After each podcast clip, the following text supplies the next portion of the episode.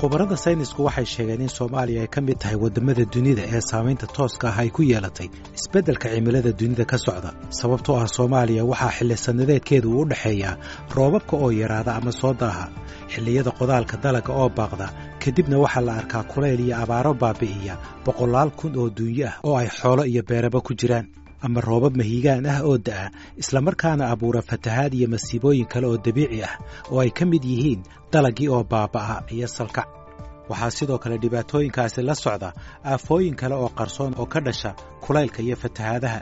Waxaa haddaba khubarada beeraha iyo cuntadu ay sheegayaan in kulaylka iyo qoyaanka labaduba ay sumeeyaan dalagga beeraha oo dhaqan ahaan soomaalidu ay ku kaydsato bakaaro ama boholo. Hadba sida qofku u yaqaano iyo weliba bakhaaro iyo guryaha laftooda dalagyada ka soo baxa soomaaliya waxay halis intii hore ka badan ugu jiraan inay ku dhalato bakteriyo ka timaada fangalka taasi oo ku naaxda kulaylka iyo qoyaanka. Sababtoo ah waxaa dalagga ama cuntooyinkaasi lagu kaydiyey dhulka hoostooda ama bakhaaro u nugul huurka iyo qoyaanka. Sumaha ka dhasha fangalka waxaa lagu magacaabaa mycotoxines balse tan ugu halista badan waa sunta lagu magacaabo aflatoxines dadka cuna cuntooyinka ay ku jirtana waxay halis ugu jiraan cudurro dilaa ah sida kansarka beerka maxamed cabdulqaadir geedi waxa uu shahaadada b h d ku qaatay nafaqada cuntooyinka waxaana uu cilmi baare ka yahay jaamacadda nottingham university ee dalka britain.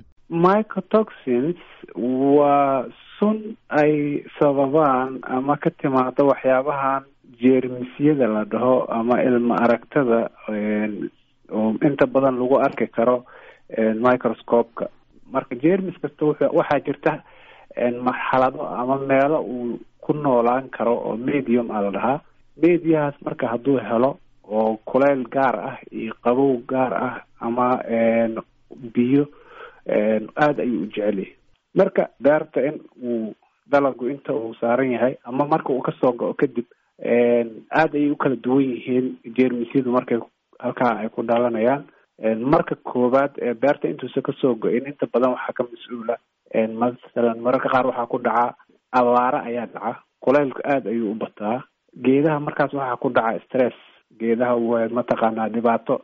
Geedkii marka marka uu dhibkaas stresskaas markuu dhaco oo abaaruhu ay dhacaan oo kulaylkii uu zaa'id u noqdo waxaa dhacaysa marka noocaas jermiskaas nooc la dhahay aspergillus oo specific oo u sii gaar ah ayaa marka ku dhalanaya. Kadibna geedaha intii ay saarneed dalagii intii aanu ka soo geyin ayaa suntii ku dhalan kartaa marka uu soo go-o kadibna waxay ku dhalataa bakhaarada wax lagu cuntada masalan lagu xareeyo oo kale. Inta la sido oo beerta laga soo guray loo wado bakhaaradaas way ku dhalataa. Guryaha dadku ay wax dhigtaan oo kale guriga dhexdiisa haddii ay dhigtaan way ku dhalataa. Oo guriga masalan haddii ama bakhaarka meel kulul ay tahay meeshaas waxaa ka dhalanaya mararka qaar dabayshuna ay ku yar tahay ama hawadu ku yar tahay in ay moisture waxa la dhaho ama hawadii humidity biyihii ku badanaya meeshii. Markii biyahaas iyo qoyaankaas uu isla helaya kulaylka badan oo mirihii isku dhididaan waxaa dhacaysa marka inuu dhasho jermiskaas horraantii sanadkan ayaa jaamacadda queens university ee ku taalla magaalada belfast ee waqooyiga ireland. Waxay daabacday natiijada daraasad ay ku samaysay sunta aflatoxinka ee ku jirta cuntooyinka soomaalida. Daraasaddan waxay boqol iyo afartan saambal ka soo qaaday cuntooyin kala duwan oo ka soo go'a soomaaliya gaar ahaan galleyda masagada iyo qamadiga. Waxaana laga helay in ka badan toddobaatan nooc oo sumo kala duwan ah kuwaasi oo saddex iyo toban ka mid ah ay halistooda darteed sharciyo uga degsan yihiin midooda yurub iyo lixdan nooc oo kale oo sumo kala duwan ah. Natiijada daraasaddaasi oo markii ugu horreysay uu daabacay wargeyska ka faallooda arrimaha beeraha iyo kimistariga ee dalkan maraykanka waa mid argagax leh. Maxamed cabdulqaadir geedi waxa uu soo akhriyey daraasaddaasi ay samaysay jaamacadda queens university.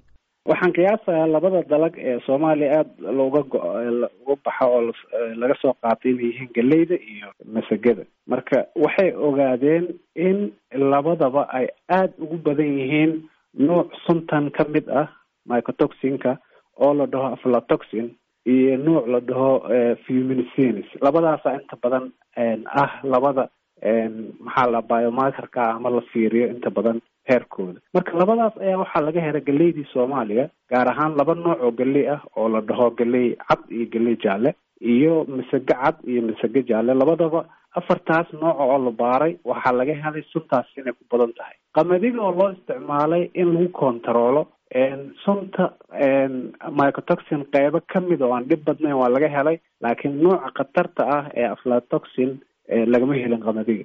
Daraasadda ay samaysay jaamacadda queens university ee magaalada belfast waxaa qalabka ay u adeegsatay baarista jiritaanka suntan lagu tilmaamay mid casri ah tayadiisuna ay sarrayso. Taasi oo ka dhigan in natiijada ka soo baxdayna ay tahay mid la ysku hadlayn karo. Doctor eva viologriska waxay ahayd kormeeraha baaritaanka shaybaar ee lagu sameeyey daraasaddan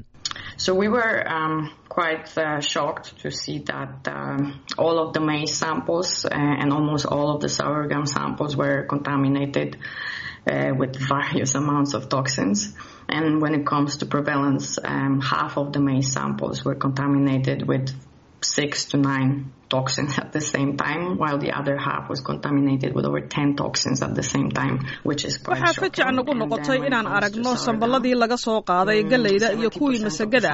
ay sumaysnaayeen haba kala duwanaadaane kala bar samballada galleyda. waxaa ku wada jira lix ilaa iyo sagaal nooc oo sun ah. Halka barka kale ay ku jirtay in ka badan toban nooc oo sumo ah taas oo ah wax lala anfariiro markay noqoto masagada toddobaatan boqolkiiba samballada la qaaday waxaa ku jiray laba ilaa iyo shan nooc oo sun ah taas oo aan u xumayn sida tan ku jirta galleyda balse weli ah wax halisa. Marka aan eegno heerka halista nasiib darra waxaan ogaanay in suntan ugu halista badan tahay sumaha mycotoxins oo ah aflatoxin b one ay afar boqol oo darajo ka sarraysay heerka laga ogol yahay midowda yurub waana dhibaato weyn markaan isku daynay in aan dadka isticmaalaya dalagan u turjunno dadka halista la kulmaya waxaan ogaanay in halista dadka soomaalida ah uga imanaysa sumahan ay toddoba boqol oo jeer ka badan tahay halista uu la kulmi lahaa qofka cuna cunooyinkaasi ee ku sugan yurub. Sidaasi daraaddeed waa dhibaato culus. Khubarada ay ka mid ka tahay doctor eva viologriska kuwa hay'adda qaramada midoobe u qaabilsan cuntada iyo beeraha ee faw iyo dhakhaatiirta soomaaliduba waxay aaminsan yihiin in suntani ay tahay mid halis ah. Heerka suntan ee ku jirta cuntooyinka iyo dalagyada soomaaliduna ay tahay mid aad u sarraysa. Doctor eva viologriska ayaa sharaxaysa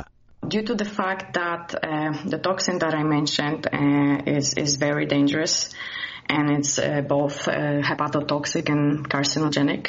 markaan tixgelinno xaqiiqda ah in suntan aan sheegnay ay tahay mid halisa oo ay tahay mid burburisa unugyada beerka kansarna keeni karta halista markaaba ka iman karta haddii qiyaas weyn ay jirkooda gasho waa dhimasho nasiib darro. haddii ay noqoto dhibaato muddo dheer la noolaato qofka ma keento oo keliya in qofkaasi uu ku dhaco kansarka beerka.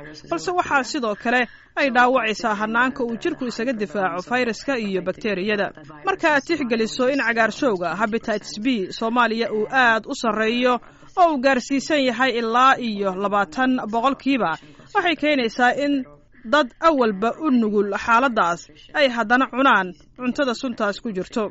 Waxay taasi keenaysaa inay dhashaan in unugyadii beerka ay bararaan kadibna ay dhintaan taas oo caadiyan uu la kulmo qofka caba khamriga ama cagaarshowga qaba ama inuu qofku qaado kansarka beerka.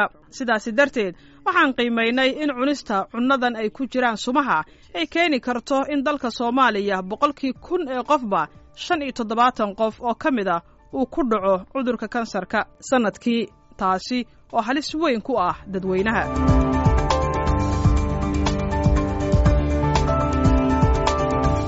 Doctor maxamed maxamuud fuji oo ah dhakhtar cudurrada guud daaweeye fadhigiisuna yahay magaalada muqdisho waxa uu galka baarista u sheegay in sunta aflatoxin aysan ahayn wax cusub balse dhibka ugu weyn ee ka jira uu yahay ka warqab la'aanta bulshada. Aflatoxins horta aflatoxinska waa sumo ay soo daayaan waxaa la yidhahda mycotoxins mycotoxinska marka waa waxa ka dhashaan fungalkan laba fungal oo aada u waaweyn wala aspergillus flavus iyo aspergillus parasiticus labadaas nooc ayaa aada uga badan cuntada ayayna ay xooluhu cunaan ama midkaa dadku cuno ayay aada iyo aada suntaasi ay afecti garaysaa dadku marka cuntada la kaydiyo waxaad ku arkaysaa xoog cad oo korka ka saaran ama caaro caarada xadiyeysidaa korka ka saaran. Marka markaasoo kale inay cuntadaasi ay khatar ku jirto in layska ogaado weye waxaana problem xoolahana waa laga qaadi karaa. Xoolaha subtaas cuna iyaga laftigeeda haddaa cunto hilibkoodii ayaad ka qaadi kartaa. Ilmaha ayaa aada iyo aad suntaas ugu daran. Dadka waayeelka waa u adkaystaan.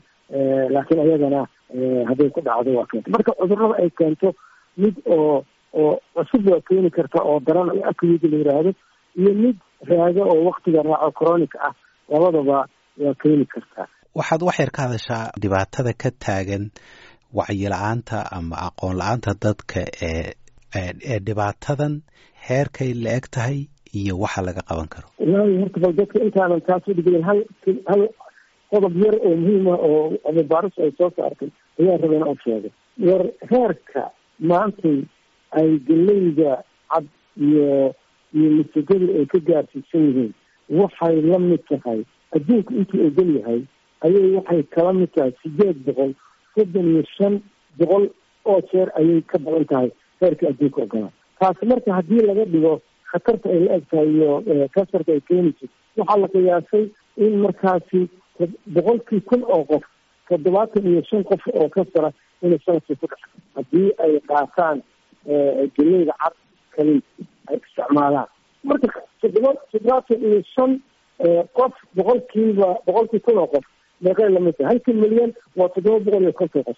Soomaalida maanta waa shan iyo toban milyan bal ku dhifta intaasay khatarta leegta horta qodobka jiraalkaas waxaa marka khasab lagu ah oo muhiim ah in wacyigelin xoog badan la sameeyo maadaama masajadii iyo galeyda ay yihiin maanta unta daruuriga ay yihiin cilmi baaraha jaamacadda nottingham university maxamed cabdulqaadir geedi waxa uu leeyahay dhibaatadu way ka ballaaran tahay kansarka beerka oo keliya. Daraasadda jaamacadduna waxay tilmaamaysaa in loo baahan yahay in deg deg wax looga qabto waxayna ka digaysaa in xataa ay keeni karto dad badan oo u soo dhaca cudurradan. Adduunyada kale baaritaanaa jira waa la sameeyaa laakiin dalkeenna wax ka sameeya baaritaan noocaasa ayaan jirin waxaa kaloo laysku xiray in waddankeenu ay aada ugu batay noocan la dhaho hebatitis b ama maxaa la dhaha cudurkan hebatiska oo a iyo b e c leh. Nuuciisa b oo lala xiriiriyo kansarka beerka ayaa waxaa la helay in aan nahay waddamada ka bareeya baddan mediterraneanka. Meesha ugu badan ee laga helo inay tahay soomaaliya oo boqolkiiba shan iyo toban celcelis ah ayaa mataqaana la sheegay baaritaan la sameeyey. Waxaa kaloo laga ogaaday daraasado hore oo laga sameeyay dalal kale sida brazil oo kale iyo latin america wadamo ku yaalla in ay mas'uul ka tahay kansarka dhuunta. Marka annaga se kansarka dhuuntu waa boqolkiiba soddon iyo xoogaa waa tiro badan. Kansarka beerka ee dab maxaa la dhaha hepatitis b waa waa badan yahay isaguna waa toban iyo shan boqolkiiba oo wadamadaas ka bareeya mediterraneanka kan ugu badan meeshii laga helaan nahay marka waxyaabahaas markii la wada ogaaday kadibna la arkay dalagyadeena inay ku badan tahay sunta aflatoxin.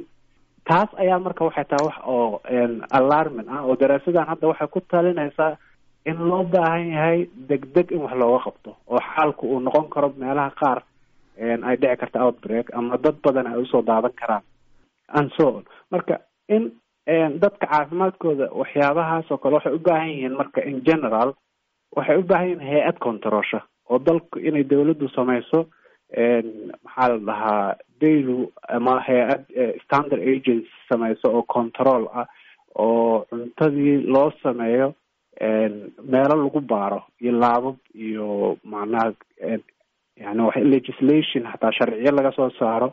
Waddan walba oo adduunka wuxuu leeyahay hay'ad controlsha cuntada. Waxaa ka jira adduunka food adulteration oo waa la isku qaldaa oo qish badan ayaa la sameeyaa. Marka waddankii aan lahayn cid wax ka baarta wax kastaa la soo gelinaya.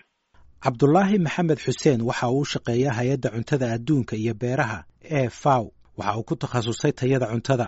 Waxa uu qiray in soomaali badan ay cuntooyinka ku aasan boholaha ama bakhaarada ku raaga ay si aada u isticmaalaan iyadoo laga yaabo in qoysaska soomaalidu ay ka dhigtaan qureec qado iyo casho maadaama aysan heli karin cuntooyin kale oo ay ku beddeshaan isticmaalka badan ee cuntooyinka ay ku jirta suntani waxa ay kordhinaysaa heerka suntan ee ku jirta jirka qofka taasi oo ka dhigan inuu qofka si fudud ugu dhaco kansarka beerka. Cuntooyinka dhibkan oo haysteen ka hadlayna kuwa gudaha ka soo go-a mise kuwa dibadda ka yimaadee mucaawano u yimaadana way ku jiraan?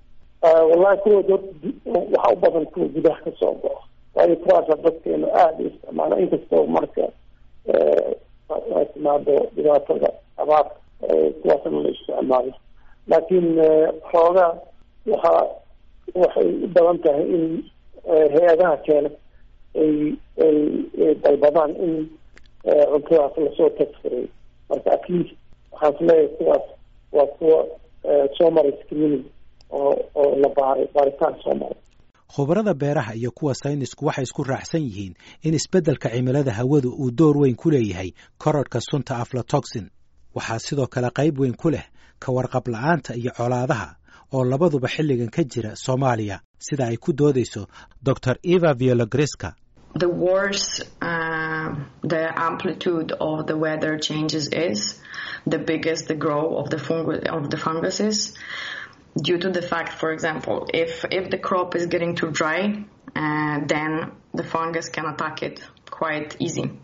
the worse uh, the amplitude of the weather changes is, the biggest the growth of the fungus of the funguses. Due to the fact, for example, if if the crop is getting too dry, uh, then the fungus can attack it quite easy. markii baaxadda isbeddelka cimiladu sii weynaadaba waxaa si weyn u koraya fangaska tusaale ahaan haddii dalagga uu ku jiro hawo kulul waxaa si fudud u weerari kara fangaska taasi waa ka badan sidii uu u weerari lahaa dalaggii sida meel aan kululayn la dhigay. Sidaasi darteed markii uu huurku jiro oo aan cunnada si fiican loo kaydin fangasku aad ayuu u badanayaa waxaana uu soo saarayaa sun badan oo ah mycotoxonis sidaasi darteed markii isbeddelka cimiladu uu sii xumaadaba waxaa sii badanaya fursadda uu fangasku ku soo saaro mycotoxonis waxaa jira dhowr tallaabo oo la qaadi karo. Waa in dadka beeralayda ah wacyigelin laga siiyaa halistaasi hay'adaha gargaarku waxay toddobaadyadii ugu dambeeyey la tacaalayeen dhibaatada fatahaadaha soomaaliya oo xiriir toosa la leh isbeddelka cimilada adduunka. Ilaa saddex boqol iyo toddobaatan kun oo qof ayaa ka barakacay guryahoodii. Ka horna hay'aduhu waxay sheegeen in ka badan laba milyan oo qof oo soomaali ah inay waajahayso cunno yari. Sidoo kale dhulka ugu badan ee ay ka soo go'aan dalagyada soomaalidu waa kuwa ku yaalla gobollada ku dhararan labada webi iyo gobollada baay iyo bakool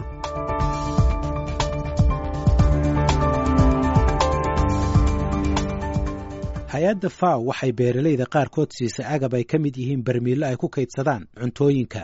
Sidoo kale waxay isku dayeen inay kor u qaadaan aqoonta dadka beeralayda ah. Laakiin haddana aqoontani ma aha mid baahsan islamarkaana ku filan. Mana jiraan waxyaabo caddaynaya inay hoos u dhacday heerka aflatoxin ee cunnooyinka soomaaliya. Khubaradu waxay ku talinayaan in dowladda soomaaliya ay shuruuc ka soo saarto fayaqabka cuntooyinka. Haddii ay yihiin kuwa dalka ka baxa iyo kuwa la soo geliyaba cabdi maxamed xuseen waa agaasimaha badbaadada dhirta ee wasaaradda beeraha. Waxa uu iga warramay tallaabooyinka ay ilaa haatan qaaday wasaaradda beeruhu.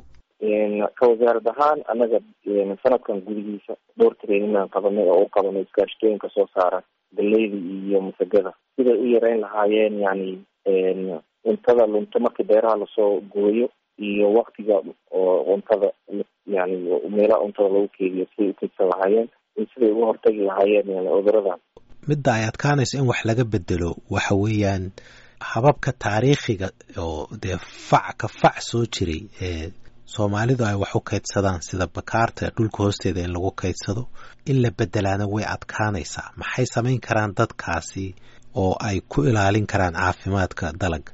Horta yani waxyaabo badanaa jiro oo looga hortagi karo cuduradan inay dhacaan. Oo ay ka mid tahay in marka koowaad la beerto noocyada noocyo oo adkeysi u leh cuduradan tusaaleyan galey ha ahaado ama masgaha masga ha ahaato inay beertaan. Marka nidaamka ugu badan hadda oo loo loo keydsan karo wuxuu noqon karaa oo waqtii hore oo looga gudbi karo. Haddii ay isticmaali karaan fuustooyin yani oo fuustada olmost midii la afar loori qaada marka fuustada ugu sahlan hadhow abuuray u noqon kartaa xitaa yani ma ma ma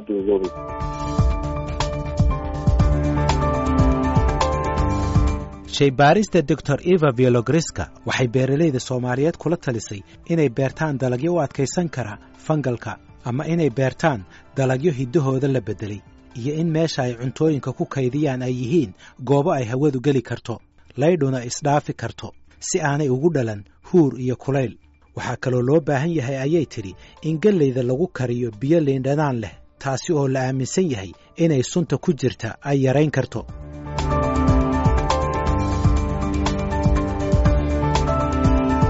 dhegaystayaal haddii aad haysaan fikrad ama su'aal ku saabsan barnaamijka galka baarista fadlan iigu soo dir iimailka somali at v o a news dt com adiga oo farriintaada ciwaan uga dhigaya galka baarista